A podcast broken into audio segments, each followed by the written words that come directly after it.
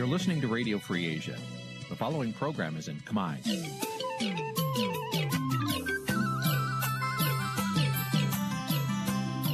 នេះជាកម្មវិធីផ្សាយ Vuthu Azizi Serai នេះជាកម្មវិធីផ្សាយរបស់ Vuthu Azizi Serai ជាភាសាខ្មែរ Vuthu Azizi Serai សូមស្វាគមន៍លោកអ្នកនាងទាំងអស់ពីរដ្ឋធានី Washington នៃសហរដ្ឋអាមេរិក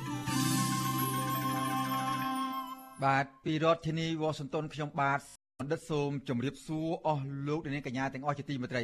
បាទយើងខ្ញុំសូមជូនកម្មវិធីផ្សាយសម្រាប់រាត្រីថ្ងៃសៅរ៍9រោចខែអាសត់ឆ្នាំឆ្លូវត្រីស័កពុទ្ធសករាជ2565ត្រូវនៅថ្ងៃទី30ខែតុលាគ្រិស្តសករាជ2021បាទជាដំបូងនេះសូមអញ្ជើញអស់លោកអ្នកនាងស្ដាប់ព័ត៌មានប្រចាំថ្ងៃដែលមានមេតិការដូចតទៅ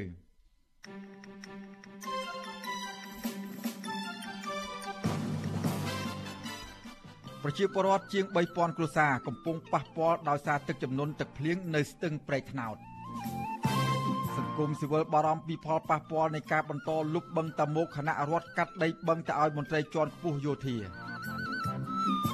ប៉ូលីសថៃបង្គាប់ឲ្យពលករខ្មែរ7នាក់រកលុយបង់ថ្លៃធ្វើបានការងារជាធ្នូនឹងការដោះលែង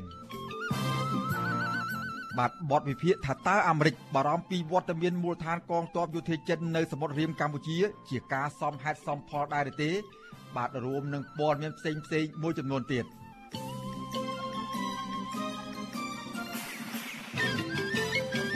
បាទជាបន្តទៅទៀតនេះខ្ញុំបាទសេកបណ្ឌិតសូមជូនព័ត៌មានពុស្ដាបាទលោកនាងកញ្ញាជាទីមេត្រីមន្ត្រីជាន់ខ្ពស់របប ឯកបៈប្រកាសថាកម្ពុជា ក្នុងនាមជាប្រធានអាស៊ាននឹងដោះស្រាយបញ្ហាចំនួនយោធានៅភូមាជាបញ្ហាអតិភិប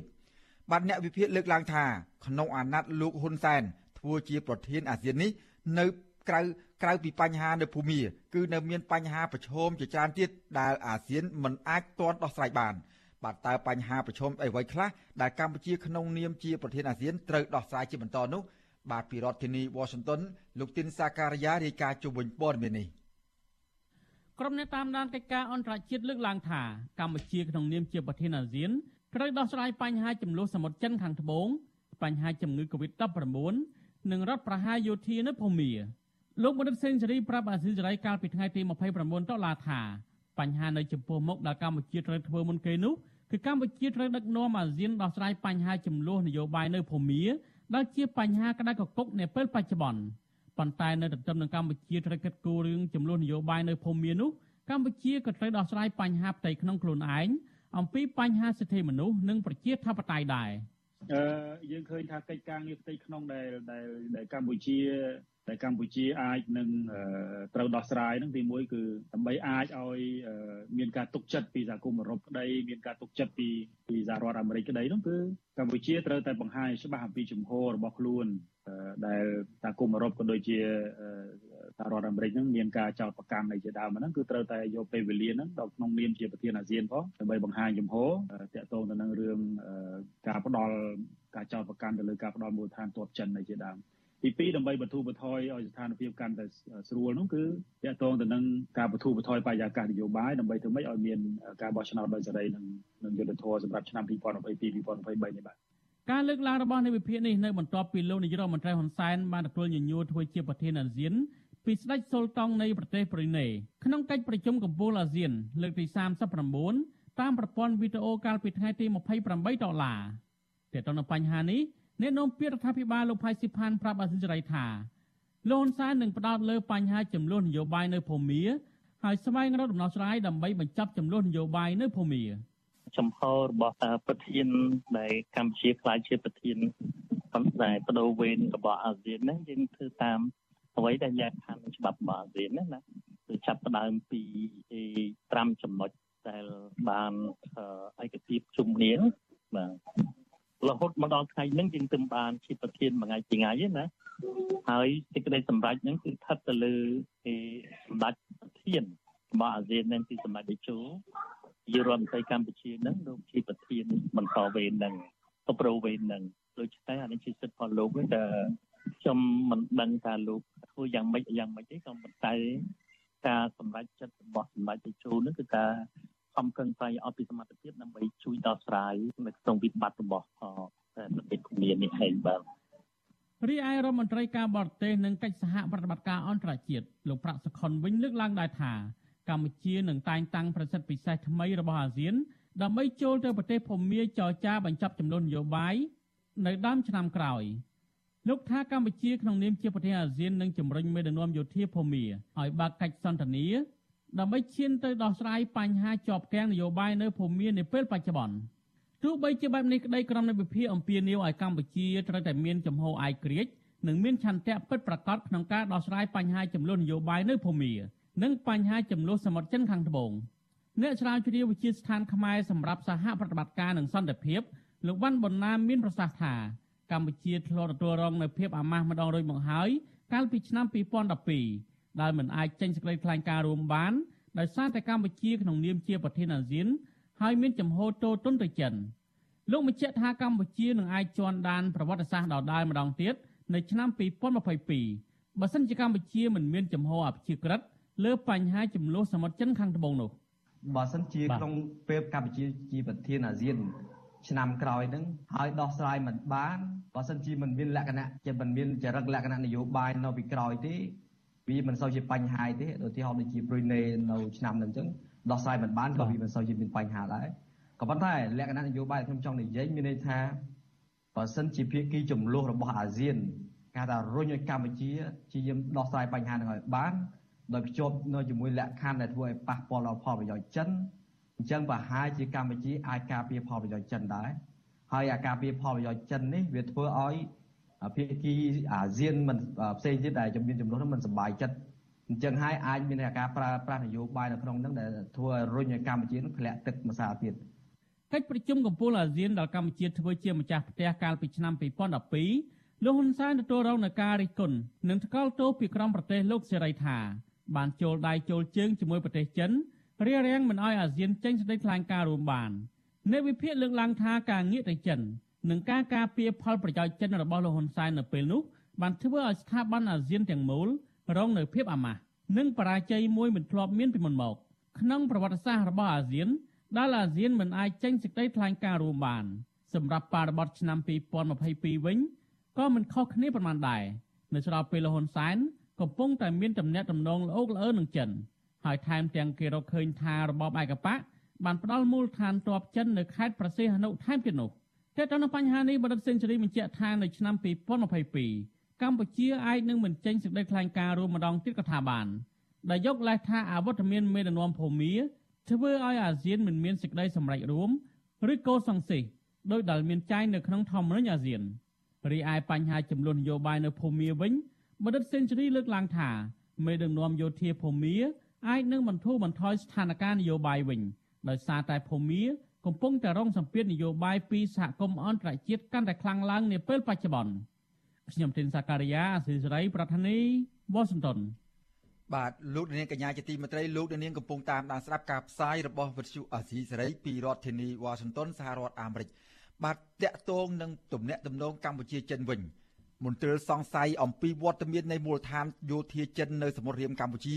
នៅតែជាប្រធានបទចម្រូងចម្រាសរវាងកម្ពុជានិងអាមេរិក ជាពិសេសនៅពេលដែលមានរបាយការណ៍ចេញផ្សាយជាបន្តបន្ទាប់អំពីលទ្ធភាពដែលមហាអំណាចចិនអាចបង្កើតឲ្យមានមូលដ្ឋានទ័ពខ្លួននៅលើទឹកដីកម្ពុជា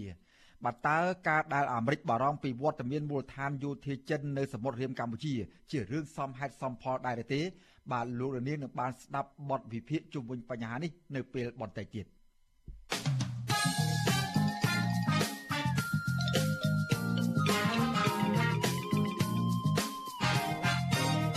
បាទចំណែកបញ្ហាស្ថានភាពទឹកចំនួនវិញមន្ត្រីសង្គមស៊ីវិលបារម្ភថាទីក្រុងភ្នំពេញនឹងប្រឈមការលិចលង់និងបង្កផលប៉ះពាល់បរិស្ថានកាន់តែធ្ងន់ធ្ងរថែមទៀតខណៈផ្ទៃបឹងតាមុកកាន់តែរួមតូចបាទការព្រួយបារម្ភនេះខណៈដែលរដ្ឋាភិបាលសម្រេចកាត់ផ្ទៃដីបឹងកប់ស្រូវឬបឹងតាមុកជិត40ហិកតាទៀតទៅឲ្យក្រមមេដឹកនាំយោធាដែលស្និទ្ធនឹងលោកហ៊ុនសែនបាទពីរដ្ឋធានី Washington លោកសនច័ន្ទរដ្ឋារាយការណ៍ជុំវិញព័ត៌មាននេះ បាទលោកបាទលោកនាងកញ្ញាជាទីមេត្រីដោយសារតែមានបញ្ហាបច្ចេកទេសយើងមិនទាន់អាចចាក់ផ្សាយរបាយការណ៍នេះបានទេហើយលោកនាងបានស្ដាប់របាយការណ៍នេះនៅពេលបន្តិចទៀតនេះបាទគណៈកម្មាធិការជាតិគ្រប់គ្រងគ្រោះមហន្តរាយលើកឡើងថារដ្ឋាភិបាលរដ្ឋប្រជាពលរដ្ឋជាង3000គ្រួសារនៅរាជធានីភ្នំពេញនិងខេត្តកណ្ដាលបានទទួលរងផលប៉ះពាល់ដោយសារទឹកជំនន់ទឹកភ្លៀងនៅស្ទឹងប្រៃថ្នោតក៏ប៉ុន្តែថ្ងៃប្រហែលថ្ងៃមកនេះខណៈដែលស្ថានភាពទឹកជំនន់ចាប់ផ្ដើមស្រកបណ្ដាបណ្ដា មន្ត្រីអង្គការសង្គមស៊ីវិលជំរុញឲ្យរដ្ឋាភិបាលរៀបចំកញ្ចប់ថវិកាបន្ទាន់សម្រាប់ជួយដល់ប្រជាពលរដ្ឋរងគ្រោះនិងឲ្យគ្រប់គ្រងឲ្យបានគ្រប់ជ្រុងជ្រោយដោយសារតែគ្មានការរើសអើងនិងខូចខាតដោយផលស្រូវនិងរៀបចំផែនការស្ដារឡើងវិញនៅហេដ្ឋារចនាសម្ព័ន្ធក្រោយពេលមានទឹកស្រកទៅវិញនោះបាទពីរដ្ឋធានីវ៉ាស៊ីនតោនអ្នកស្រីម៉ៅសុធីនីនឹងមានសេចក្តីរាយការណ៍អំពីរឿងនេះនាពេលបន្តិចទៀតដែរបាទ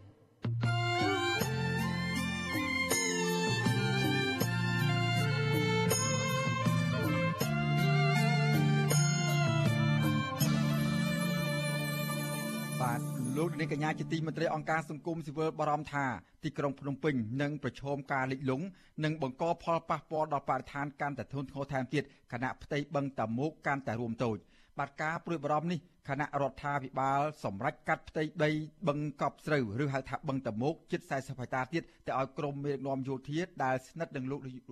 ដែលស្និទ្ធនឹងមុខដែលស្និទ្ធជាមួយនឹងលោកនាយករដ្ឋមន្ត្រីហ៊ុនសែនបាទពីរដ្ឋធានីវ៉ាស៊ីនតោនលោកសនច័ន្ទរដ្ឋារាយការណ៍ជុំវិញព័ត៌មាននេះ សង្គមស៊ីវិលនៅអ្នកធ្វើការផ្នែកបរិស្ថានលើកឡើងថាការបន្តលុបបង្តមងបង្កផលប៉ះពាល់ដល់បរិស្ថានជីវៈចម្រុះនិងប្រវត្តិជាដើមពួកគេបារម្ភថាករណីនេះអាចបង្កមានការរំលោភសិទ្ធិមនុស្សផងដែរអ្នកជំនាញអភិបាលកិច្ចទឹកលោកហេមអាដាមលើកឡើងថាការបន្តលុបបង្តមងនេះគឺជាការបោះជំហានថ្មីមួយទៀតនៃការគិតខុសនៅក្នុងការអភិវឌ្ឍដែលខ្វះដំណាភាពនិងបង្កផលប៉ះពាល់ដល់សង្គមនិងប្រវត្តិលោកក៏សម្គាល់ថាផ្ទៃបឹងនេះ ត្រូវបានរដ្ឋាភិបាលកាត់ឲ្យមន្ត្រីរបស់ខ្លួនម្ដងហើយម្ដងទៀតអ្នកជំនាញរំនេះស្នើទៅស្ថាប័នពាក់ព័ន្ធបង្ហាញផលប៉ះពាល់និងផ្ដល់ព័ត៌មាននៃការកាត់ផ្ទៃបឹងត្បូងនេះឲ្យបានទូលំទូលាយយើងគួរតែគិតហើយខ្ញុំជឿថារាជរដ្ឋាភិបាលមានជាប្លង់មេជាផែនការពិវត្តមេមួយដែលដែលគិតគូរទាំងជ្រុង ទាំងបរិស្ថានសេដ្ឋកិច្ចសង្គមនិងបញ្ហាសិទ្ធិមនុស្សអស់ហ្នឹងប៉ុន្តែយើងខ្វះតម្លាភាពនៅក្នុងការដឹងណាទាំងខ្ញុំខ្លួនឯងហ្នឹងដឹងតែមានក៏ប៉ុន្តែវាអត់ដែលអានអត់ដែលបានឃើញយើងមិនត្រូវបានចែកម្លែកឲ្យឃើញណាក្តីកង្វល់របស់អ្នកធ្វើការងារផ្នែកបរិស្ថានពេលនេះស្របពេលដែលរដ្ឋាភិបាលចេញអនុក្រឹត្យកែសម្រួលផ្ទៃបឹងកប់ស្រូវឬក៏បឹងតមោកដោយលុបផ្ទៃបឹងនេះប្រមាណ36ហិកតាបន្ថែមទៀតឲ្យក្រមមេយោធាដែលស្និទ្ធនឹងលោកហ៊ុនសែន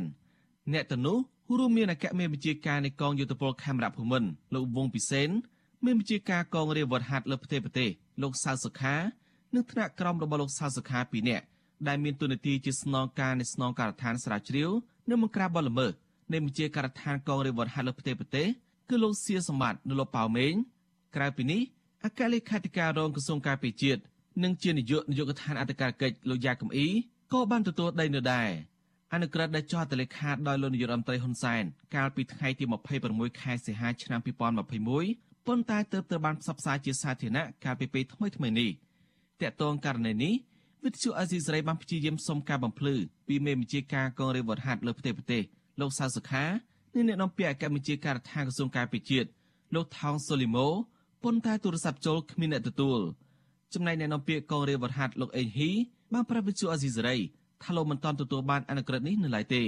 ដូច្នេះលោកមិនទាន់អាចធ្វើការអធិប្បាយណាមួយបាននៅឡើយទេនៅពេលនេះបាទព្រោះខ្ញុំអត់តតែបានផ្លូវការបានខ្ញុំអាចនេះការចុះផ្សាយអានឹងរឿងរបស់ការចុះផ្សាយសំខាន់គឺខ្ញុំទទួលបានផ្លូវការក្រុមការណែនាំរបស់គាត់ថាយកធ្វើអីបានហ្នឹងបាទបើទោះបីជាណាលោកសាសុខាដែលបានទទួលចំណាយដីពីការលុបបង្តមុខនេះបានឲ្យសារព័ត៌មានក្នុងស្រុក VD ដឹងថាដីដែលលោកទទួលបាន គឺដីដែលលោកទិញពីប្រជាពលរដ្ឋបើទោះបីជាបែបនេះ លោកមិនបានបញ្ជាក់ថាលោកមានចំណាយដីប្រមាណតានៅក្នុងចំណោមដីជិត36តានោះទេប្រធានអង្គការសម្ព័ន្ធគណនេយ្យភាពសង្គមកម្ពុជាលោកសនជ័យសង្កេតឃើញថាចាប់តាំងពីមានការលុបបង្តមកជាបន្តបន្ទាប់មកទីក្រុងភ្នំពេញរងការលិចលង់ធ្ងន់ធ្ងរពេលមានភ្លៀងម្ដងម្ដងលោកឲ្យដឹងទៀតថាការលុបបង្តមកនេះផ្ដល់ផលប្រយោជន៍ដល់បុគ្គលទីទួញក៏ប៉ុន្តែធ្វើឲ្យប៉ះពាល់ដល់ប្រយោជន៍សាធារណៈនិងប្រជាជាទូទៅយ៉ាងធំធេង។ ការអភិរក្សបឹងឬក៏ការរកមធ្យោបាយដោះស្រាយបញ្ហាប្រឈមតាមរយៈវិធានការមួយចំនួនដូចជាការបញ្ឈប់ការលុបបឹងឬមួយក៏វិធីសាស្ត្រមួយដើម្បីបង្កើតផ្លូវទឹកហូររំដោះទឹកឲ្យបានឆាប់ការពារផលប្រយោជន៍របស់ប្រជាពលរដ្ឋនេះគឺជាជំរើសមួយដ៏ល្អបំផុតដូច្នេះហើយលេចលឺឬក៏ការដឹងនៅព័ត៌មានណាដែលពាក់ព័ន្ធនឹងការលុបបឹង គឺជាព័ត៌មានមួយដែលទំនងជាមិនបានផ្ដល់នៅការរីករាយដល់ប្រជាពលរដ្ឋនោះទេបាទបឹងតមងគឺជាបឹងដ៏ធំចុងក្រោយនៅភ្នំពេញដែលមានផ្ទៃកន្លាជាង3000ហិកតាដែលស្ថិតក្នុងសង្កាត់កូរកាខណ្ឌប្រែភ្នៅរាជធានីភ្នំពេញហើយនៅរយៈពេលចុងក្រោយនេះរដ្ឋាភិបាលបានសម្ដែងលោកផ្ទៃបឹងតមោករាប់រយហិកតាទៅឲ្យក្រសួងមហាផ្ទៃសាលារាជធានីភ្នំពេញអគ្គស្នងការនគរបាលជាតិក្រសួងយុតិធធក្រមអង្គការមេយោធា និងក្រមមនុស្សដែលមានតំណែងជាមួយលោកហ៊ុនសែន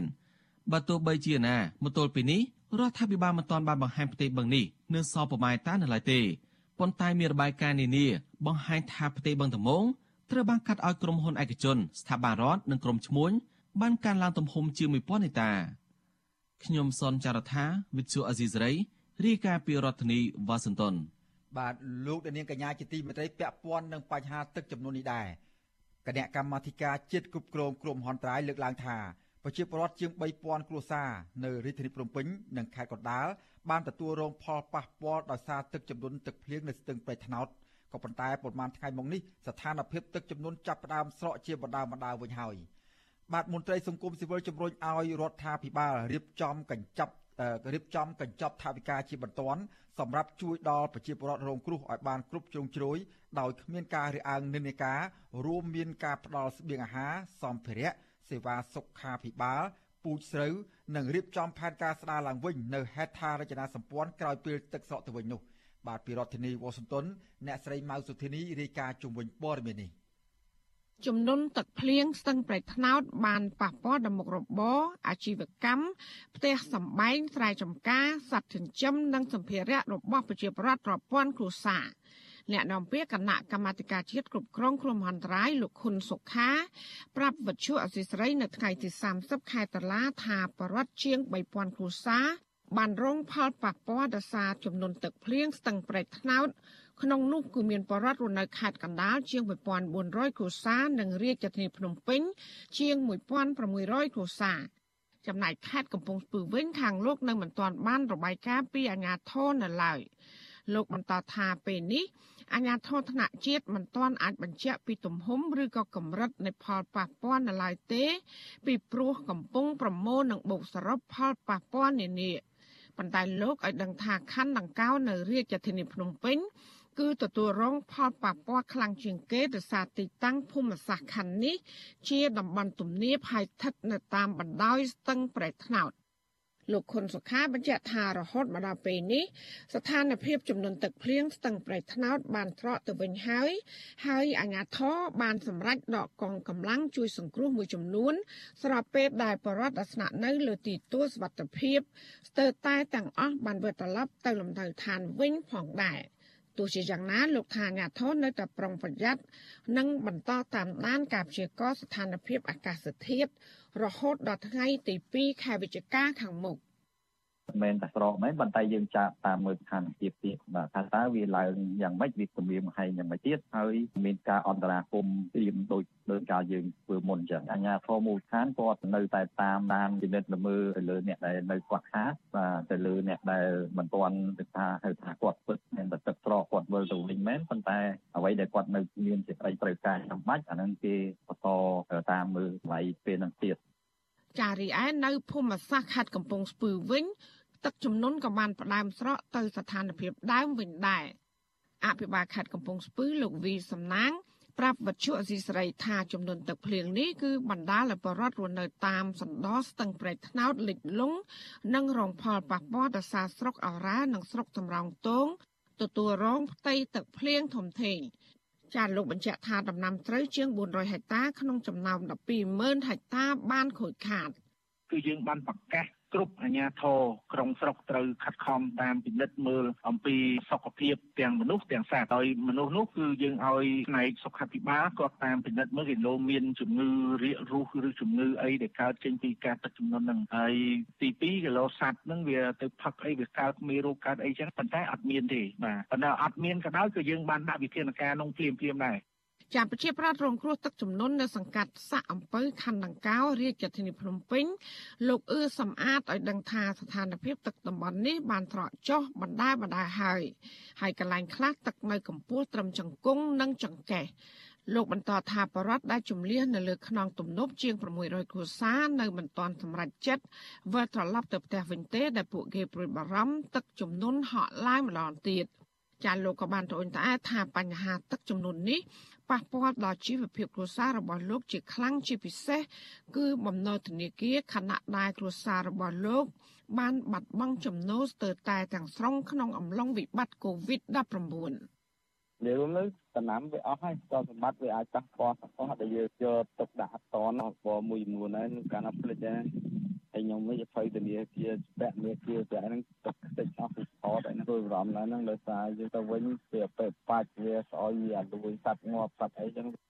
ទោះជាស្ថានភាពទឹកជំនន់បានស្រកចុះបន្តិចក្តីក៏ក្រសួងធនធានទឹកនិងអូតូនិយមបានអំពាវនាវឲ្យប្រជាពលរដ្ឋយកចិត្តទុកដាក់និងប្រុងប្រយ័ត្នខ្ពស់ដើម្បីបញ្ជាគ្រោះថ្នាក់ផ្សេងផ្សេងព្រោះថាអាចនឹងមានភ្លៀងធ្លាក់នៅខេត្តមួយចំនួនចាប់ពីថ្ងៃទី27ខែតុលារហូតដល់ថ្ងៃទី2ខែវិច្ឆិកា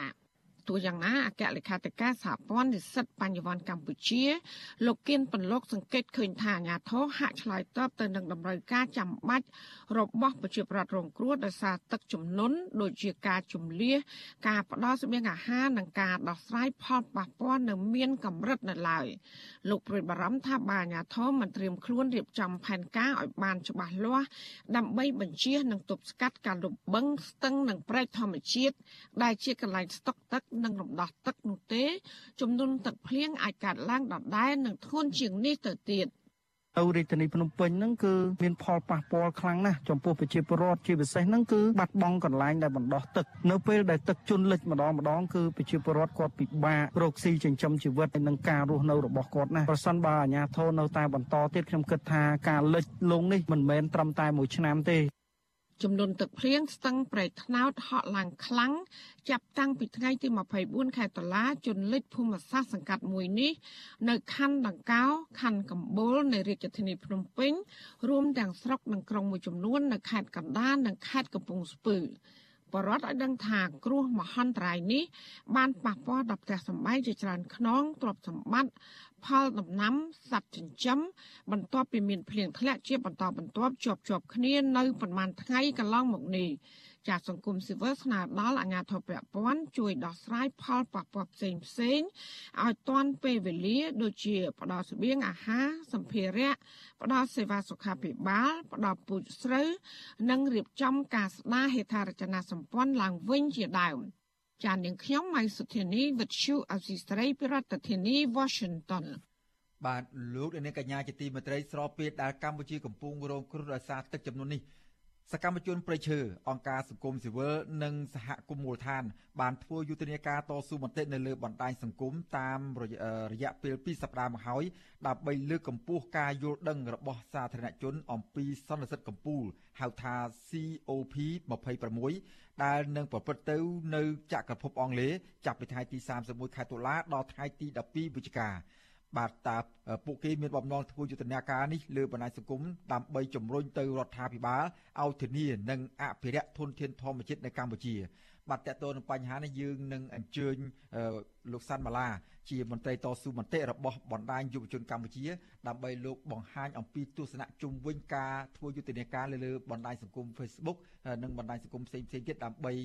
ទាមទារឲ្យរដ្ឋាភិបាលថែរក្សាការពារបរិស្ថាននៅកម្ពុជាឲ្យបានល្អប្រសើរបាទឥឡូវនេះខ្ញុំបាទសូមជម្រាបសួរលោកម៉ាឡាបាទ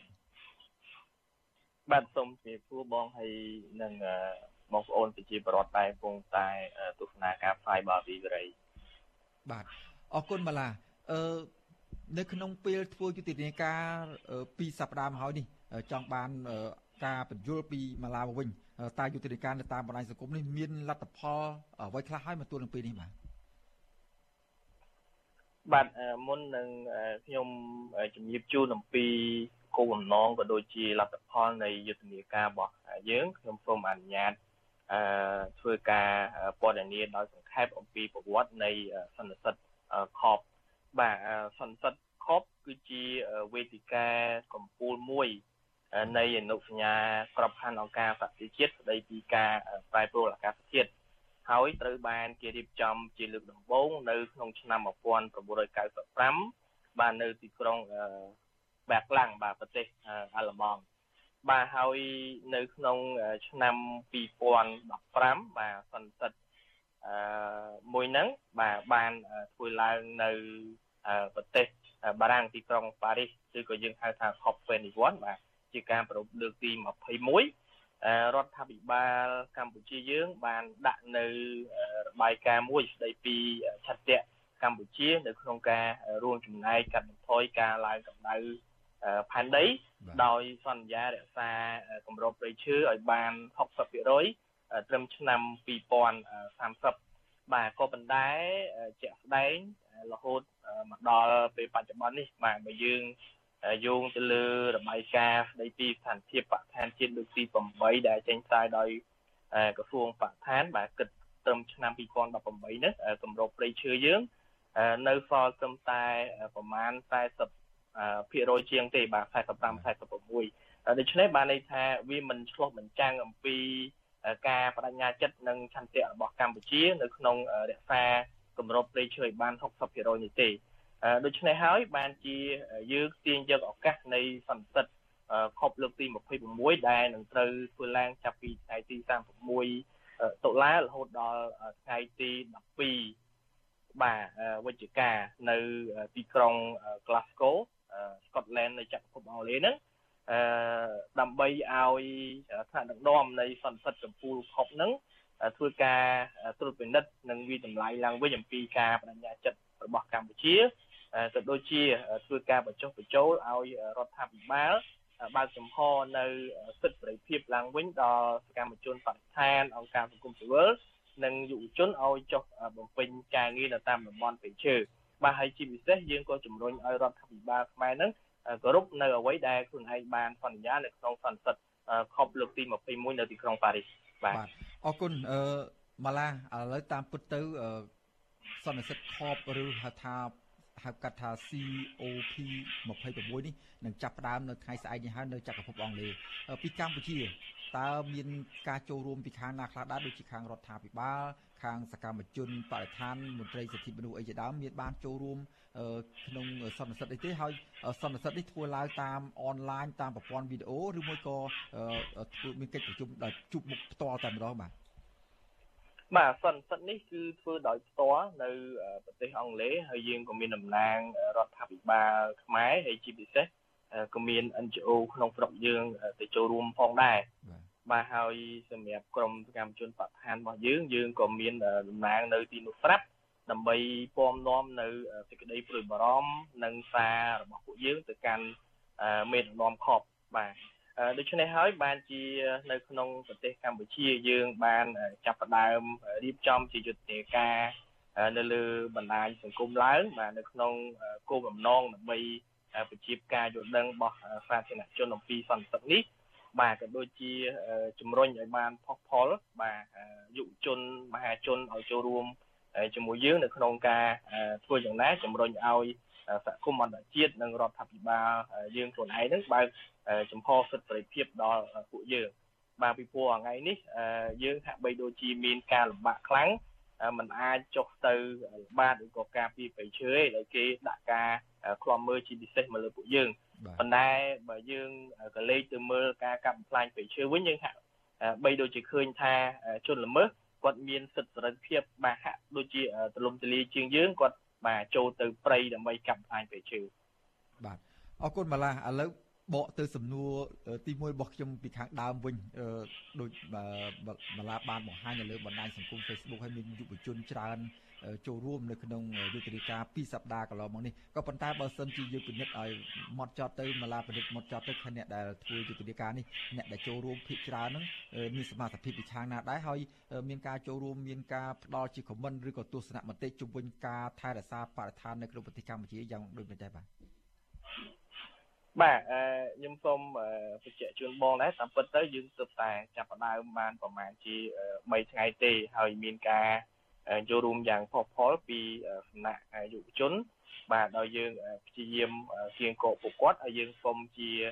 ទស្សនៈគំនិតឬក៏គាត់មានពាក្យពេចន៍អីចង់បដិបដាំទៅកាន់មេដឹកនាំ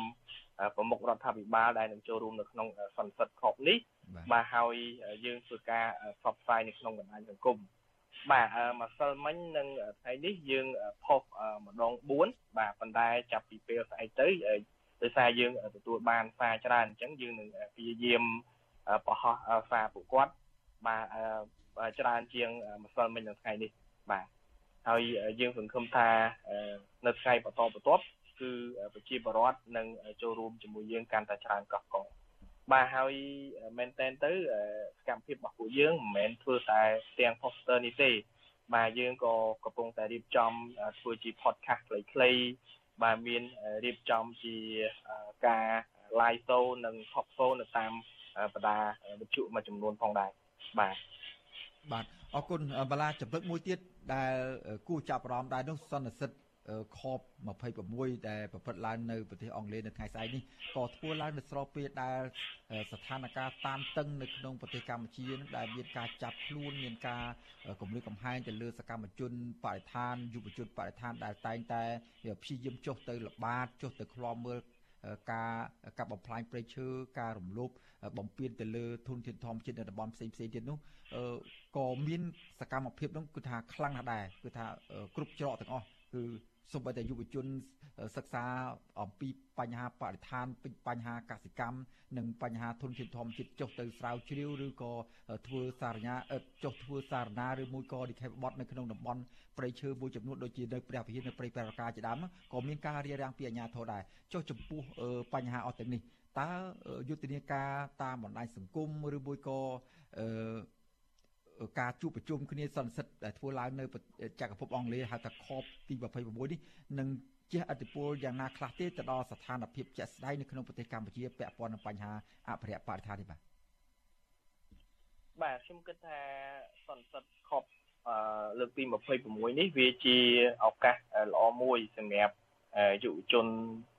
យើងហើយក៏ជា ក្តីសង្ឃឹមសម្រាប់ស្ដារស្ថានភាពបរិស្ថាននៅក្នុងប្រទេសកម្ពុជា បាទពីព្រោះយើងមើលឃើញថាមួយរយៈចុងក្រោយនេះរដ្ឋាភិបាលបានរដ្ឋបិទខ្លាំងមែនទែនលើសកម្មភាពរបស់ពួកយើងបាទនិងសកម្មភាពរបស់សហគមន៍មូលដ្ឋានដូច្នេះហើយនៅក្នុងផែនការរបស់យើងហ្នឹងគឺ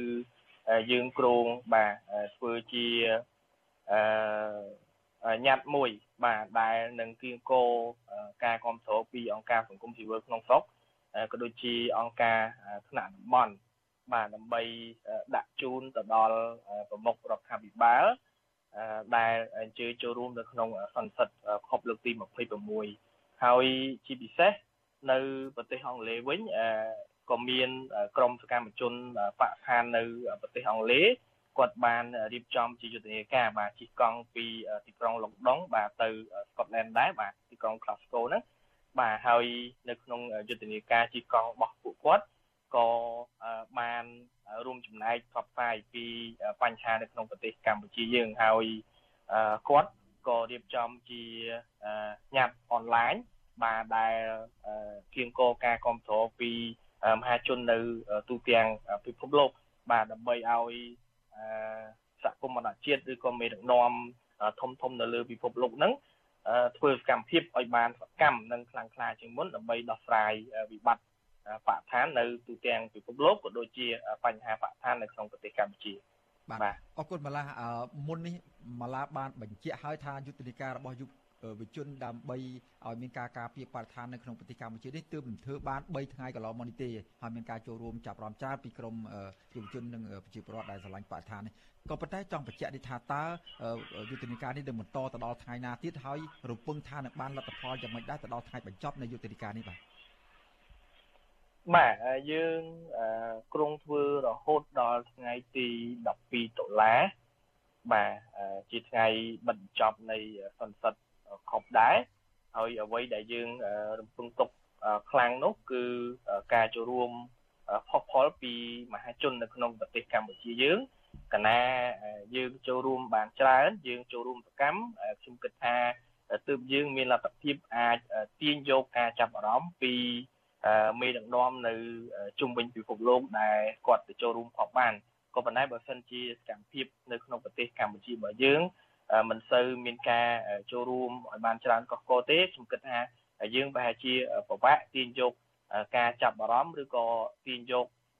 ការជួយណាមួយពីសហគមន៍អន្តរជាតិទាំងអស់នោះបាទ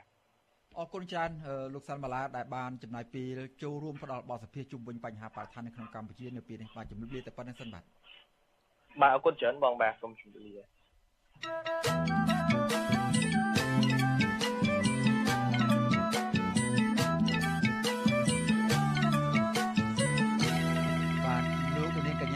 ត្រីឥឡូវនេះពាក់ព័ន្ធនឹងស្ថានភាពជំងឺ Covid នៅកម្ពុជាវិញម្ដង បាទករណីស្លាប់ដោយសារជំងឺ Covid-19 បានកើនឡើងដល់ជិត2800នាក់ហើយក្រោយពីអ្នកជំងឺចំនួន8នាក់ទៀតបានស្លាប់នៅក្នុងនោះ មាន5នាក់មិនទាន់បានចាក់វ៉ាក់សាំងបាទចំណែកករណីឆ្លងថ្មីវិញក្រសួងសុខាភិបាលប្រកាសថាមាន106នាក់ដែលជាលទ្ធផលបញ្ជាក់ដោយម៉ាស៊ីនពិសោធន៍ PCR ក៏ប៉ុន្តែតួលេខនេះមិនបានរាប់បញ្ចូលលទ្ធផលដែលពិនិត្យតាមឧបករណ៍តេស្តរហ័សឬហៅថា Rapid Test នោះទេបាទគិតត្រឹមព្រឹកថ្ងៃទី30ខែតុលាកម្ពុជាមានអ្នកកើតជំងឺ Covid-19 ជិត120,000នាក់ក្នុងនោះអ្នកជាសះស្បើយមានជាង110,000នាក់ បាទក្រសួងសុខាភិបាលប្រកាសថាគិតត្រឹមថ្ងៃទី29តុលាម្សិលមិញរដ្ឋាភិបាលចាក់វ៉ាក់សាំងជូនដល់ប្រជាពលរដ្ឋដែលគ្រប់អាយុបានស្ទើរ100%ក្នុងចំណោមប្រជាពលរដ្ឋដែលត្រូវចាក់វ៉ាក់សាំងចំនួន10លាននាក់បាទចំណែកកុមារនិងយុវជនដែលមានអាយុចាប់ពី6ឆ្នាំដល់17ឆ្នាំវិញក្រសួងបញ្ជាក់ថាចាក់វ៉ាក់សាំងបានជាង3លាន7សែននាក់ក្នុងចំណោមអ្នកដែលត្រូវចាក់វ៉ាក់សាំងសរុបជិត4លាននាក់ បាទលោកនាងកញ្ញាជាទីមេត្រីពាក់ព័ន្ធនឹងទំនាក់ទំនងកម្ពុជាចិនវិញបាទមន្ទិលសង្ស័យអំពីវត្តមាននៃមូលដ្ឋានយោធាចិននៅសមុទ្ររៀមកម្ពុជា នៅតែជាប្រធានបទចម្រូងចម្រាសរវាងកម្ពុជានិងសហរដ្ឋអាមេរិកបាទជាពិសេសនៅពេលដែលមានរបាយការណ៍ចេញផ្សាយជាបន្តបន្ទាប់អំពីលទ្ធភាពដែលមហាអំណាចចិនអាចបង្កើតឲ្យមានមូលដ្ឋានកងទ័ពខ្លួននៅលើទឹកដីកម្ពុជា បាទថាតើការដែលអាមេរិកបារម្ភអំពីវត្តមានមូលដ្ឋានយោធាចិននៅសមុទ្ររៀមកម្ពុជា ជារឿងសមហេតុសមផលដែរទេ បាទលោកទីនសាការីយ៉ាមានបទវិភាគមួយជុំវិញបញ្ហានេះជូនលោកនាងដូចតទៅរឿងរ៉ាវអំពីមូលដ្ឋានទ័ពចិននៅសមុទ្ររៀមកម្ពុជាត្រូវបានគេលើកមកនិយាយជាថ្មីទៀតក្រោយពេលមជ្ឈមណ្ឌលដើម្បីការសិក្សាយុទ្ធសាស្ត្រនិងកិច្ចការអន្តរជាតិហៅកាត់ថា CIIS បានចុះផ្សាយកាលពីពាក់កណ្ដាលខែតុលាឆ្នាំ2021 ការចេញផ្សាយចុងក្រោយនេះបានធ្វើបច្ចុប្បន្នភាពអំពីការអភិវឌ្ឍមូលដ្ឋានកងទ័ពជើងទឹករៀម CIIS អះអាងដោយបង្ហាញរូបភាពជាច្រើនសន្លឹកទទួលបានពីផ្កាយរណបថាចិនកំពុងបន្តប្រែប្រួលរូបភាពមូលដ្ឋានកងទ័ពជើងទឹករៀមយ៉ាងឆាប់រហ័សដោយបានសាងសង់អគារថ្មីថ្មីចំនួន3និងធ្វើផ្លូវថ្មីមួយខ្សែឆ្ពោះទៅកាន់ឆ្នេរសមុទ្រតែក្នុងរយៈពេលចន្លោះពីខែសីហាដល់ខែកញ្ញាឆ្នាំ2021អគារថ្មីចំនួន3នេះ ត្រូវបានសាងសង់បន្ថែមទៅលើអគារថ្មីចំនួន2ដែលបានសាងសង់រួចរាល់ហើយត្រូវបាន CIIS ដាក់បញ្ចូលទៅក្នុងរបាយការណ៍របស់ខ្លួនកាលពីចុងខែឧសភាឆ្នាំ2021ចាប់តាំងពីចុងឆ្នាំ2020មក CIIS បានបង្ហាញរបាយការណ៍ជាបន្តបន្ទាប់អមដល់រូបភាពថតបានពីផ្កាយរណបអំពីការប្រែប្រួលនៅមូលដ្ឋានកងទ័ពជើងទឹករៀមនៅក្នុងខែតុលានិងខែវិច្ឆិកាឆ្នាំ2020 CSIS បានរកឃើញថារដ្ឋាភិបាលកម្ពុជា បានវាកំទេចអគារសាងសង់ដោយអាមេរិកនៅមូលដ្ឋានកងទ័ពជើងទឹករៀមជាការរកឃើញដែលត្រូវបានស្ថានទូតអាមេរិកប្រចាំនៅកម្ពុជាស្នើរដ្ឋាភិបាលកម្ពុជាបកស្រាយហើយក្រោយមកកម្ពុជាក៏ទទួលស្គាល់អំពីការវាកំទេចអគារទាំងនោះក្រោមហេតុផលថាដើម្បីរើទៅដាក់នៅទីតាំងសមរម្យនៅក្នុងក្រុងប្រស័យហនុដែលមានចម្ងាយប្រមាណជា20គីឡូម៉ែត្រពីមូលដ្ឋានកងទ័ពជើងទឹករៀមការបញ្ចេញរបាយការណ៍ជាហោហែរបស់ CIIS គឺក្រោយពីសារព័ត៌មានរបស់អាមេរិក The Wall Street Journal ចេញផ្សាយកាលពីខែកក្កដាឆ្នាំ2019ច្រងសម្ដីប្រភពមន្ត្រីអាមេរិកមួយចំនួនដែលអះអាងថារដ្ឋាភិបាលកម្ពុជានិងចិនបានចុះកិច្ចព្រមព្រៀងសម្ងាត់មួយអនុញ្ញាតឲ្យចិនប្រើប្រាស់មូលដ្ឋានកងទ័ពជើងទឹករៀមរបស់កម្ពុជាក្នុងរយៈពេល30ឆ្នាំនិងអាចបន្តរយៈពេល10ឆ្នាំម្ដងបន្ទាប់ពីនោះតាមរយៈកិច្ចព្រមព្រៀងនេះចិនអាចដាក់កងទ័ពសព្វវុធនិងនាវាយោធារបស់ខ្លួននៅមូលដ្ឋានកងទ័ពជើងទឹករៀមរបស់កម្ពុជាមែនតើទៅការបារម្ភរបស់រដ្ឋាភិបាលអាមេរិក អំពីមូលដ្ឋានកងទ័ពចិននៅកម្ពុជា គឺនៅមុនពេលដែលមានការចុះផ្សាយរបស់សារព័ត៌មាន The Wall Street Journal ទៅទៀតគេនឹងចាំបានថាកាលពីខែវិច្ឆិកាឆ្នាំ2018អតីតអនុប្រធានាធិបតីអាមេរិកលោក Mike Pence បានផ្ញើលិខិតមកកាន់នាយករដ្ឋមន្ត្រីហ៊ុនសែនលើកឡើងពីការបារម្ភរបស់អាមេរិកអំពីលទ្ធភាពនៃវត្តមានមូលដ្ឋានកងទ័ពចិននៅលើទឹកដីកម្ពុជាលោកហ៊ុនសែនបានឆ្លើយតបដោយបដិសេធអំពីការលើកឡើងនេះ រដ្ឋាភិបាលនៃរបបលហ៊ុនសែនក៏បានច្រានចោលអំពីព័ត៌មានដែលថាកម្ពុជាបានចុះកិច្ចព្រមព្រៀងអនុញ្ញាតឲ្យចិនប្រើប្រាស់មូលដ្ឋានទ័ពជើងទឹករបស់កម្ពុជាដោយសំអាងថាកម្ពុជាជារដ្ឋអព្យាក្រឹតហើយរដ្ឋធម្មនុញ្ញកម្ពុជាមិនអនុញ្ញាតឲ្យមានមូលដ្ឋានកងទ័ពបរទេសនៅលើទឹកដីនៃព្រះរាជាណាចក្រកម្ពុជាថែមទៀតផងទោះបីជាយ៉ាងណាក៏ដោយសារអាមេរិកនៅមិនអស់ចិត្តឡើយនៅក្នុងដំណើរទស្សនកិច្ចមកកម្ពុជាកាលពីដើមខែមិថុនាឆ្នាំ2021 អនុរដ្ឋមន្ត្រីការបរទេសអាមេរិកអ្នកស្រី Wendy Sherman បានលើកឡើងពីករណីនេះជាថ្មីទៀតជាមួយរដ្ឋាភិបាលកម្ពុជានិងសម្ដែងនៅចម្ងល់អំពីការវាយកំទេចអគារជាជំនួយរបស់អាមេរិកនៅក្នុងមូលដ្ឋានកងទ័ពរៀមដោយមិនអនុញ្ញាតឲ្យអាមេរិកបានដឹងជាមុននោះអ្នកស្រីក៏បានស្នើឲ្យលោកហ៊ុនសែនអនុញ្ញាតឲ្យអនុព័ន្ធយោធាស្ថានទូតអាមេរិកប្រចាំនៅកម្ពុជាចុះពិនិត្យផ្ទាល់ទិដ្ឋភាពមូលដ្ឋានទ័ពនៅទីតាំងនោះយ៉ាងណាក៏ដោយរហូតមកទល់ពេលនេះអាមេរិកនៅតែមិនទាន់អស់ចិត្តដដែលដោយអាមេរិក លើកហេតុផលថាពេលចុះពិនិត្យនោះខាងកម្ពុជាមិនអនុញ្ញាតឲ្យក្រុមការងាររបស់អាមេរិកចូលមើលពេញលេញនោះឡើយស្ថានទូតអាមេរិកធ្លាប់បានស្នើទៅរដ្ឋាភិបាលកម្ពុជាដើម្បីចុះពិនិត្យមើលទីតាំងមូលដ្ឋានកងទ័ពជើងទឹករៀមជាថ្មីទៀតប៉ុន្តែរហូតមកទល់ពេលនេះរបបលហ៊ុនសែននៅមិនទាន់បានឆ្លើយតបនៅឡើយទេចំពោះរបាយការណ៍ចេញផ្សាយចុងក្រោយបង្អស់របស់ CSIS ដែលថាចិនកំពុងតែបដូរប្រែមូលដ្ឋានទ័ពជើងទឹករៀមដោយសាងសង់អគារថ្មីបន្ថែមយ៉ាងលឿនរហ័សនោះ ហាក់មិនត្រូវបានមន្ត្រីនៃក្រសួងការពារជាតិកម្ពុជាគិតថាជារឿងប្លែកឡើយចំពោះការចោទប្រកាន់នេះនឹងអះអាងថាអគារសាងសង់ថ្មីទាំងអស់នោះគ្មានអ្វីក្រៅពីជាអគារស្នាក់នៅនោះទេទោះបីជាយ៉ាងណាក៏ដោយចុះបញ្ហានេះបើសិនជាមិនបង្ហាញឲ្យមានដំណាភាពនោះទេភាពចម្រូងចម្រាសនិងមន្ទិលសង្ស័យនៅតែបន្តកើតមានរដ្ឋមន្ត្រីក្រសួងការពារជាតិកម្ពុជាលោកទាបាញ់ធ្លាប់បានទទួលស្គាល់ថា ចិនពិតជាបានផ្ដល់ថវិកាសម្រាប់សាងសង់ហេដ្ឋារចនាសម្ព័ន្ធនៅក្នុងមូលដ្ឋានទ័ពរៀមប្រកាសមែនប៉ុន្តែលោកថានេះមិនមែនជាលក្ខខណ្ឌដែលកម្ពុជាត្រូវអនុញ្ញាតឲ្យចិនដាក់កងទ័ពលើទឹកដីកម្ពុជានោះទេថ្មីបើដូច្នេះក្តីសកម្មភាពមិនប្រក្រតីនិងមន្ទិលសង្ស័យមួយចំនួនធ្លាប់ត្រូវបានបង្កើតឡើងដោយរដ្ឋាភិបាលកម្ពុជាដែលកំពុងតែធ្វើឲ្យអាមេរិកនៅតែបន្តបារម្ភអំពីបញ្ហានេះជាការពិតណាស់រដ្ឋាភិបាលកម្ពុជាធ្លាប់បានស្នើថវិកាពីសហរដ្ឋអាមេរិក ដើម្បីជួសជុលអគារឡើងវិញដែលជាជំនួយសាងសង់របស់អាមេរិកនៅមូលដ្ឋានកងទ័ពរៀមប៉ុន្តែក្រោយមកកម្ពុជាបានបដិសេធមិនទទួលយកជំនួយរបស់អាមេរិកវិញមិនត្រឹមតែបដិសេធជំនួយរបស់អាមេរិកប៉ុណ្ណោះទេរដ្ឋាភិបាលកម្ពុជាថែមទាំងបានវាយកំទេចអគារដែលជាជំនួយរបស់អាមេរិកចោលថែមទៀតផងដោយមិនប្រាប់ឲ្យអាមេរិកដឹងមុនមួយម៉ាត់ទាល់តែសោះលើសពីនេះទៀតនៅពេលក្រុមការងារនៃអនុព័ន្ធយោធាស្ថានទូតអាមេរិក ចុះពិនិត្យផ្ទាល់ដល់ទីតាំងមូលដ្ឋានទ័ពរៀមភាគីកម្ពុជាមិនបានអនុញ្ញាតឲ្យក្រុមការងារអាមេរិកចូលមើលគ្រប់ទីកន្លែងឡើយហើយនៅពេលអាមេរិកស្នើចុះសុំពិនិត្យមើលជាថ្មីរបបលហ៊ុនសែនក៏មិនទាន់អនុញ្ញាតទៀតក្រៅពីនេះការបង្កើនល្បឿនសាងសង់អគារនិងផ្លូវថ្មីថ្មីនៅក្នុងទីតាំងមូលដ្ឋានទ័ពដែលបានផ្លាស់ប្តូររូបភាពមូលដ្ឋានយ៉ាងឆាប់រហ័សក៏កំពុងតែបង្កើតនៅមន្ទិលសង្ស័យថ្មីបន្ថែមទៀតដែរក្រៅពីនោះអាចនឹងមានហេតុផលមួយចំនួនទៀតដែលអាមេរិក គួរបារម្ភអំពីលទ្ធភាពនៃវត្តមានមូលដ្ឋានយោធាចិននៅកម្ពុជាទាំងក្នុងពេលបច្ចុប្បន្ននិងអនាគតមជ្ឈមណ្ឌលដើម្បីការសិក្សាយុទ្ធសាស្ត្រនិងកិច្ចការអន្តរជាតិ CSIS បានចុះផ្សាយកាលពីខែតុលាឆ្នាំ2020ថារបបលហ៊ុនសែនបានជួលផ្ទៃដីដែលមានទំហំធំនៅជុំវិញមូលដ្ឋានទ័ពរៀមទៅឲ្យក្រុមហ៊ុនចិនដែលក្រុមហ៊ុនខ្លះមានទំនាក់ទំនងជាមួយរដ្ឋចិនក្នុងចំណោមក្រុមហ៊ុនទាំងអស់នេះមានក្រុមហ៊ុនមួយឈ្មោះថា Canopy Sand Development Group ដែលជាក្រុមហ៊ុនបត់សម្ព័ន្ធរបស់ក្រុមហ៊ុន Prin Real Estate Group ក្រុមហ៊ុននេះកំពុងអភិវឌ្ឍមួយផ្នែកនៃឆ្នេរសមុទ្រនៅទិសខាងជើងនៃមូលដ្ឋានកងទ័ពជើងទឹករៀមរូបភាពពីផ្កាយរណបបង្ហាញថាក្រុមហ៊ុននេះបានចាប់ផ្ដើមយកដីជិត5គីឡូម៉ែត្រប៉ែកខាងជើងនៃមូលដ្ឋានទ័ពរៀមកាលពីខែកុម្ភៈចាប់តាំងពីពេលនោះមកក្រុមហ៊ុននេះបានចាក់ដីលុបចូលឆ្នេរសមុទ្រទំហំប្រហែលជា100អាដោយមិនដឹងថាយកដីទៅធ្វើអ្វីឡើយដោយមិនដឹងថាយកទៅធ្វើអ្វីឡើយ ការចុះផ្សាយរបស់គេហទំព័រ Construction Property កាលពីខែកុម្ភៈឆ្នាំ2020ក្រុមហ៊ុនចិន Canopy Sand Development Group មានផែនការវិនិយោគក្នុងទំហំទឹកប្រាក់16,000លានដុល្លារអាមេរិកដើម្បីអភិវឌ្ឍឆ្នេរសមុទ្ររៀមឲ្យក្លាយទៅជាតំបន់រមណីយដ្ឋានលើផ្ទៃដីទំហំជិត850ហិកតាក្នុងនោះក៏នឹងមានការអភិវឌ្ឍឆ្នេរខ្សាច់ថ្មីចំនួន2ផងដែរគេហទំព័រដដែលឲ្យដឹងថាគម្រោងទីក្រុងរៀមគឺជាផ្នែកមួយនៃគម្រោងទីក្រុង Naga របស់ក្រសួងទេសចរ ដែលគ្របដណ្ដប់លើផ្ទៃដីជាង3000ហិកតាគម្រោងនេះនឹងភ្ជាប់ឆ្នេររៀមឆ្នេរអូត្រេសឆ្នេរអូឈើទាលនិងប្រលានយន្តហោះឲ្យក្លាយទៅជាតំបន់ទេសចរនិងសេដ្ឋកិច្ចដ៏សំខាន់មួយក្នុងករណីនេះបើសិនជាទីក្រុងព្រះសីហនុអាចក្លាយទៅជាទីក្រុងឧស្សាហកម្មសែនសែនរបស់ចិននៅកម្ពុជាដោយការចង់បានរបស់រដ្ឋាភិបាលនិងបើសិនជាចិនអាចមានមូលដ្ឋានទ័ពនៅរៀមដោយការចាប់ប្រកាន់នោះមែន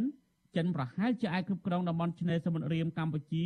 លាតសន្ធឹងពីមូលដ្ឋានទ័ពជើងទឹករៀមរហូតដល់តំបន់អភិវឌ្ឍតារាសាគរនៃខេត្តកោះកុងដែលកំពុងទទួលរងនឹងការចោទប្រកាន់ថាអាចត្រូវបានប្រើប្រាស់សម្រាប់វិស័យយោធារបស់ចិនមួយទៀតដែរនោះគម្រោងអភិវឌ្ឍតារាសាគរនៅខេត្តកោះកុងត្រូវបានរដ្ឋាភិបាលកម្ពុជាផ្ដល់ទៅឲ្យក្រុមហ៊ុនចិន Union Development Group ធ្វើការអភិវឌ្ឍរយៈពេល99ឆ្នាំក្នុងទឹកប្រាក់3800លានដុល្លារអាមេរិក ប៉ុន្តែគម្រោងអភិវឌ្ឍនេះដែលមានទាំងការសាងសង់ប្រលានយន្តហោះនិងកំពង់ផែសមុទ្រទឹកជ្រៅកំពុងរងការចោទប្រកាន់ថាអាចត្រូវបង្កើតឡើងសម្រាប់បម្រើដល់វិស័យយោធារបស់ចិន ការកាន់កាប់កំពង់ផែនិងមូលដ្ឋានទ័ពជើងទឹកនៅបរទេសដោយប្រទេសចិនបានកើតមានឡើងរួចហើយនៅតាមបណ្ដាប្រទេសមួយចំនួន នៅលើពិភពលោកប្រទេសទាំងនោះភាគច្រើនត្រូវបានគេរកឃើញថាបានខ្ចីលុយចិនជាប់ក្នុងអន្ទាក់បំណុលវ៉ាន់កមិនអាចដោះរួច ហើយទីបំផុតទៅក៏ត្រូវប្រកល់គម្រោងនៅក្នុងប្រទេសរបស់ខ្លួនទៅឲ្យចិនគ្រប់គ្រងជាក់ស្ដែងមានដូចជាប្រទេសប៉ាគីស្ថានដែលស្ថិតនៅអាស៊ីខាងត្បូងបានជួលកំពង់ផែខ្វាដាទៅឲ្យចិនក្នុងរយៈពេល40ឆ្នាំប្រទេសជីបូទី នៅទ្វីបអាហ្វ្រិកបានជួលមូលដ្ឋានទ័ពអូបុកទៅឲ្យចិនក្នុងរយៈពេល10ឆ្នាំនិងប្រទេសស្រីលង្កាបានជួលកំពង់ផែហាំបាតូតាទៅឲ្យចិនគ្រប់គ្រងក្នុងរយៈពេល99ឆ្នាំតែទៅនឹងបញ្ហានេះ សារព័ត៌មានឥណ្ឌា World is One News ចុះផ្សាយថា បច្ចុប្បន្ននេះប្រទេសចិនកំពុងតែសាងសង់កំពង់ផែយុទ្ធសាស្ត្រនៅឯបរទេសចំនួន9ហើយដែលអាចប្រើប្រាស់សម្រាប់ធ្វើជាមូលដ្ឋានកងទ័ពជើងទឹករបស់ខ្លួនហើយប្រទេសកម្ពុជាក៏ស្ថិតនៅក្នុងចំណោមប្រទេសនឹងដែនដីទាំង9ដែលចិនកំពុងតែសាងសង់កំពង់ផែយុទ្ធសាស្ត្រនេះដែរផ្អែកតាមផែនទីចង្អុលបង្ហាញដោយសារព័ត៌មានឥណ្ឌាដដែលនេះកំពង់ផែយុទ្ធសាស្ត្រកំពង់ផែយុទ្ធសាស្ត្រដែលចិនកំពុងសាងសង់ មានចំណុចចាប់ផ្ដើមចេញពីទីក្រុងហុងកុងឆ្ពោះមកកាន់ប្រទេសកម្ពុជារួចបន្តទៅប្រទេសមីយ៉ាន់ម៉ា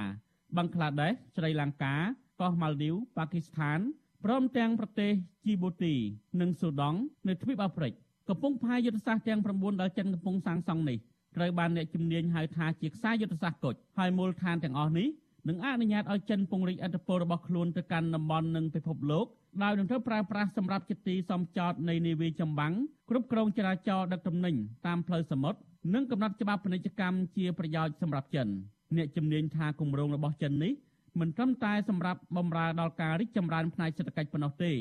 ប៉ុន្តែជាគម្រោងដើម្បីឈានទៅគ្រប់គ្រងពិភពលោកតែម្ដង ប្រទេសចិនកំណត់កាលបរិច្ឆេទសម្រាប់បញ្ចប់ការសាងសង់គម្រោងទាំងអស់នេះនៅត្រឹមឆ្នាំ2049ហើយមូលហេតុដែលចិនកំណត់យកឆ្នាំ2049ដោយសារវាត្រូវចំខួប100ឆ្នាំនៃការបង្កើតសាធារណរដ្ឋប្រជាមានិតចិនដែលត្រូវបានបង្កើតឡើងកាលពីឆ្នាំ1549ងាកមកនិយាយពីបរិបទកម្ពុជាវិញបើទោះបីជារហូតមកទល់ពេលនេះ សារអាមេរិកនៅមិនទាន់បានបង្ហាញភ័ស្តុតាងរឹងមាំ100%ពីវត្តមាននៃកងទ័ពចិននៅលើទឹកដីកម្ពុជាក្តីប៉ុន្តែអាមេរិកក៏ហាក់មានហេតុផលសមរម្យនៅក្នុងការបារម្ភអំពីរឿងនេះចំពោះភាគីកម្ពុជាវិញរបបលហ៊ុនសែនក៏នៅមិនទាន់បង្ហាញនៅដំណាភាពពេញលេញដែលអាចធ្វើឲ្យភាគីពាក់ព័ន្ធអស់ចិត្តឬទទួលយកបានចំពោះការចាប់ប្រកាន់នេះនៅឡើយដែរ។ជាការពិតណាស់របបលោកហ៊ុនសែនតែងតែបដិសេធអំពីមូលដ្ឋានទ័ពចិននៅកម្ពុជា ដោយសំអាងហេតុផលថារដ្ឋធម្មនុញ្ញកម្ពុជាមិនអនុញ្ញាតឲ្យមានមូលដ្ឋានទ័ពបរទេសនៅលើទឹកដីកម្ពុជានោះឡើយក៏ប៉ុន្តែក៏មានការលើកឡើងដែរថារបបលោកហ៊ុនសែនក៏អាចធ្វើវិសោធនកម្មរដ្ឋធម្មនុញ្ញបានដែរនៅពេលលោកហ៊ុនសែនត្រូវការចិនខ្លាំងដើម្បីការពារអំណាចរបស់លោកនោះការលើកឡើងដូចនេះក៏ហាក់សមហេតុសមផលមួយយ៉ាងដែរព្រោះថាការកែប្រែឬធ្វើវិសោធនកម្មរដ្ឋធម្មនុញ្ញ វាមិនមែនជារឿងលំបាកនោះទេសម្រាប់របបលោកហ៊ុនសែននិងគណៈបកប្រជាជនកម្ពុជារបស់លោកជាពិសេសនៅក្នុងបរិបទកម្ពុជានៅតែបន្តគ្រប់គ្រងដោយរដ្ឋសភាឯកបកនាពេលបច្ចុប្បន្នដូច្នេះដើម្បីការពារចំហរបស់កម្ពុជាជារដ្ឋអព្យាក្រឹតពិតប្រាកដដើម្បីការពាររដ្ឋធម្មនុញ្ញកម្ពុជាដែលមិនអនុញ្ញាតឲ្យមានវត្តមាន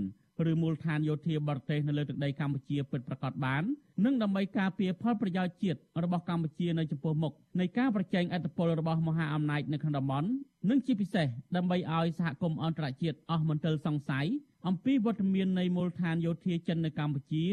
របបលហ៊ុនសែនត្រូវឆ្លើយតបប្រកបដោយតម្លាភាពពេញលេញដើម្បីឲ្យគ្រប់ភាគីទទួលយកបានបើមិនដូច្នោះទេភាពចម្រូងចម្រាសនិងមន្ទិលសង្ស័យ នៅតែបន្តកើតមានជារៀងរហូតខ្ញុំទីនសាការីយ៉ាអសិសរីប្រធានីវ៉ាស៊ីនតោន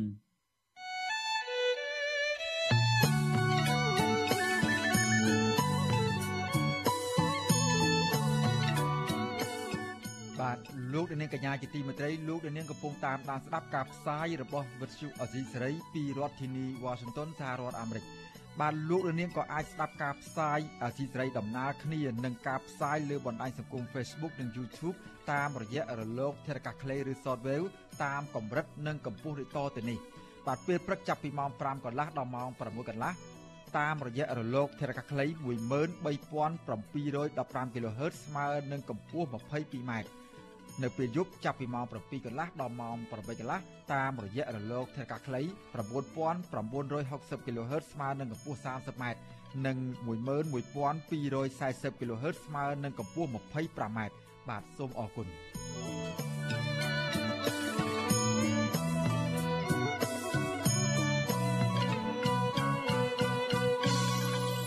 បាទលោកនាងកញ្ញាជាទីមេត្រីពាក់ព័ន្ធនឹងស្ថានភាពពលករខ្មែរដែលភៀសខ្លួនទៅក្នុងប្រទេសថៃនៅវិញបាទប៉ូលីសថៃសន្យាថានឹងដោះលែងពលករខ្មែរចំនួន7នាក់នៅថ្ងៃច័ន្ទសប្តាហ៍ក្រោយ តែតម្រូវឲ្យពួកគេបង់លុយធ្វើបានការងារស្របច្បាប់ទើបព្រមដោះលែងមកវិញបាទអ្នកខ្លំមើលរឿងនេះជំរុញឲ្យអាជ្ញាធរថៃយោគយល់ចំពោះពលករខ្មែរចំពោះពួកគាត់ព្រោះពួកគាត់គ្មានការងារធ្វើនិងបាត់បង់ប្រាក់ចំណូលជាច្រើនខែមកហើយ បាទពីរដ្ឋធានី Washington លោកយុនសមៀនរាយការណ៍ជុំវិញព័ត៌មាននេះប៉ូលីសថៃបានចាប់បញ្ជូនពលករខ្មែរចំនួន7នាក់ទៅឃុំខ្លួនបណ្ដោះអាសន្នក្នុងពន្ធនាគារនៃការិយាល័យប៉ូលីសអន្តោប្រវេសន៍ទីក្រុងបាងកកតាំងពីរសៀលថ្ងៃទី29ដុល្លារមកពលករធ្វើសំណង់ជាមួយក្រុមពលករដែលត្រូវអាជ្ញាធរថៃចាប់ខ្លួនគឺលោកឆៃលឿងប្រាប់បច្ចុប្បន្នអាស៊ីសេរីថាអ្នកត្រូវចាប់ខ្លួនមានប្រុស3នាក់និងស្រី4នាក់ លោកថាការឆ្មក់ចាប់នេះធ្វើឡើងនៅមុខក្រសួងការងារថៃក្នុងពេលពួកគេកំពុងដាក់ញត្តិស្នើសុំដំណោះស្រាយផ្នែកការងារលោកឆៃលឿងរៀបរាប់ថាប៉ូលីសថៃមួយក្រុមបានចុះមកត្រួតពិនិត្យពលករទាំងអស់ដែលឈរដាក់ញត្តិនៅមុខក្រសួងការងារកាលពីថ្ងៃទី29ដុល្លារដើម្បីរកឯកសារបញ្ជាក់ការងារហើយប៉ូលីសថៃបានចាប់ពលរដ្ឋ7នាក់បញ្ជូនទៅប៉ុស្តិ៍ប៉ូលីសរួចហើយបញ្ជូនបន្តទៅពន្ធនាគារនៃការិយាល័យអន្តោប្រវេសន៍ទីក្រុងបាងកក ក្រោយមកពលករជាច្រើនអ្នកបានទៅសុំអង្វរប៉ូលីសថៃឲ្យដោះលែងពលករទាំង7នាក់មកវិញនិងបានប្រាប់មូលហេតុថាពួកគាត់គ្មានប្រាក់ចំណូលហើយគ្មានការងារធ្វើច្រើនខែហើយទើបពួកគាត់គ្មានលទ្ធភាពធ្វើបានការងារស្របច្បាប់ពលករឲ្យដឹងថាការធ្វើបានការងារម្ដងមានសុពលភាព2ឆ្នាំហើយត្រូវចំណាយលុយសរុបទាំងរត់ការនិងថ្លៃសេវារដ្ឋប្រហែល400ដុល្លារ លោកឆៃលឿងបន្តថាប៉ូលីសបានសន្យាថាពួកគេនឹងដោះលែងពលករទាំង7នាក់វិញ តែតម្រូវឲ្យពលករបង់លុយក្នុងម្នាក់700ដុល្លារដើម្បីយកទៅធ្វើបានការងារស្របច្បាប់ទើបព្រមដោះលែងវិញនៅដើមសប្តាហ៍ក្រោយ។ អ្នកចាប់នឹងមានចាស់មានក្មេងមានម្នាក់គាត់មានកូនតូចនៅហងនេះណាហើយម្ដាយជាប់នៅនៅឯនេះចេម្នាក់នោះគាត់រៀងពិការជើងផងគាត់លេបណាំរើថ្ងៃផងខ្ញុំថាចង់អុយខាងបងប្អូនយើងអុយទៅជួយទៅមើលគាត់ផងតំណាងពលករប្រមាណ50នាក់បានប្រមូលផ្ដុំគ្នាដាក់ញត្តិជាថ្មីទៀតកាលពីថ្ងៃទី29ដុល្លារទាមទារឲ្យថៅកែថៃបញ្ឈប់ការកឹបកេងកម្លាំងពលកម្មនិងត្រូវផ្ដល់ផលប្រយោជន៍ឲ្យពលករ ឲ្យបានត្រឹមត្រូវតាមច្បាប់ក្រមពលករអះអាងថាថៅកែជនជាតិថៃជាច្រើននៅតែបន្តគេចវេះពីការទទួលខុសត្រូវលើពលករដោយមិនបានផ្ដល់ប្រាក់ឧបត្ថម្ភ50%និងថ្លៃអាហារហូបចុក3ពេលឲ្យពលករទេក្នុងអំឡុងពេលវិបត្តិជំងឺ Covid-19 ពលករថាបញ្ហានេះគឺបណ្ដាលមកពីក្រសួងការងារថៃចោះធ្វើអធិការកិច្ចគ្មានប្រសិទ្ធភាពពលករផ្នែកសំណង់ម្នាក់ដែលបានចូលរួមដាក់ញត្តិកាលពីថ្ងៃទី29 លោកមុតមុលឲ្យដឹងថាក្នុងពេលប្រទេសថៃជួបវិបត្តិជំងឺ Covid-19 ធ្ងន់ធ្ងរជាច្រើនខែមកនេះអាជ្ញាធរថៃបានបិទតំបន់មួយចំនួនហើយរដ្ឋាភិបាលថៃបានបង្គាប់ឲ្យថៅកែផ្ដល់ប្រាក់ឧបត្ថម្ភឲ្យពលករពាក់កណ្ដាលក្នុងមួយខែផ្ដល់ជូនកន្លែងស្នាក់នៅឲ្យបានសមរម្យនិងផ្ដល់អាហារសមរម្យក្នុងមួយថ្ងៃ3ពេលឲ្យពលករ លោកអះអាងថាថៅកែភៀកច្រើនមិនគោរពកាតព្វកិច្ចនេះទេហើយឆ្លៀតឱកាស COVID-19 នេះលែងរវល់និងដោះដៃចោលពលករតែម្ដង ពពីបិទឈប់យើងអត់មានការងារធ្វើប្រកាន់សង្គមគេជួយយើង50%ប៉ុន្តែកន្លែងខ្លះបានតែ25%ដូចកន្លែងខ្ញុំទៅដើមអញ្ចឹងបងដូចកន្លែងគេផ្សេងថាណាគេអត់អញ្ចឹងណាបងបានយើងដាក់ដំណើរទៅខាងក្រសួងហ្នឹងដើម្បីជួយត្រួតពិនិត្យបញ្ហាត្រង់នេះបន្តិចណាបងហ្នឹងហើយខ្លាចមានរលួយកើតឡើងអញ្ចឹងបងហ្នឹងហើយតកែឲ្យយើងឬក៏ក្រសួងគេចេញមកហើយប៉ុន្តែតកែកាត់យកពីយើងអញ្ចឹងបងអត់ឲ្យយើងអញ្ចឹងណា នេះជាលើកទី3ហើយដែលតំណាងមូលនិធិពលករខ្មែរនៅប្រទេសថៃនាំគ្នាដាក់ញត្តិទៅក្រសួងការងារថៃចាប់តាំងពីថៃជួបវិបត្តិជំងឺ Covid-19 ពីខែមីនាមកការដាក់ញត្តិទៅក្រសួងការងារថៃទាំង3លើកនេះក្នុងគោលបំណងតែមួយគត់គឺសូមរដ្ឋាភិបាលថៃគិតគូរដល់ពលករខ្មែរផងទោះបីជាយ៉ាងណាតំណាងពលករមិនបានទៅរកកិច្ចអន្តរាគមន៍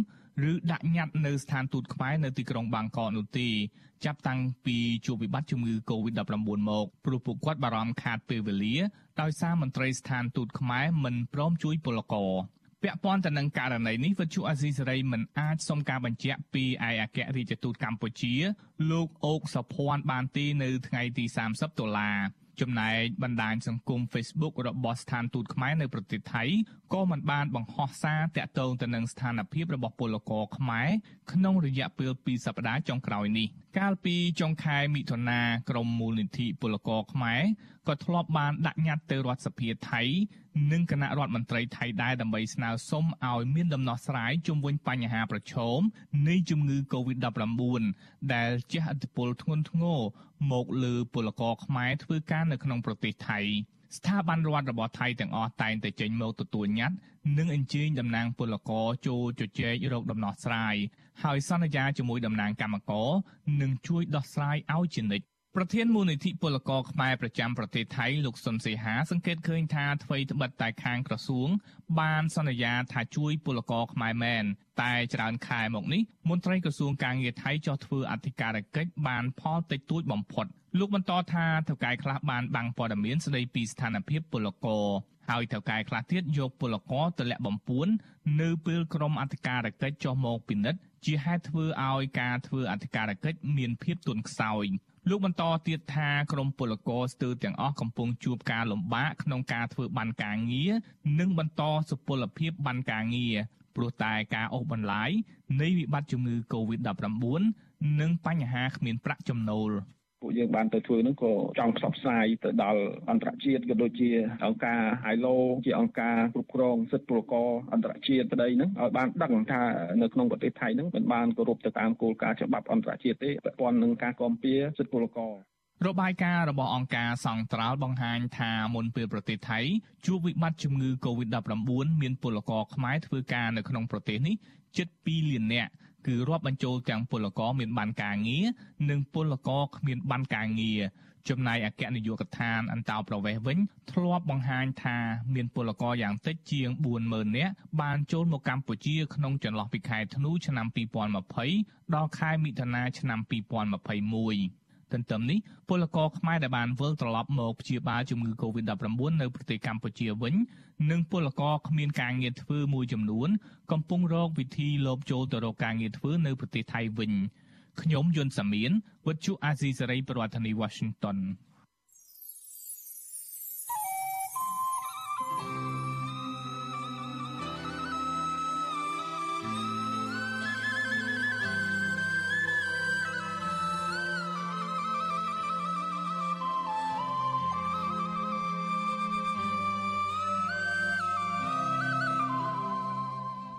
បាទលោកនាងកញ្ញាជាទីមេត្រីការផ្សាយរបស់វិទ្យុអសីសេរីសម្រាប់ប្រទេសនេះបានចូលដល់ទីបញ្ចប់ហើយ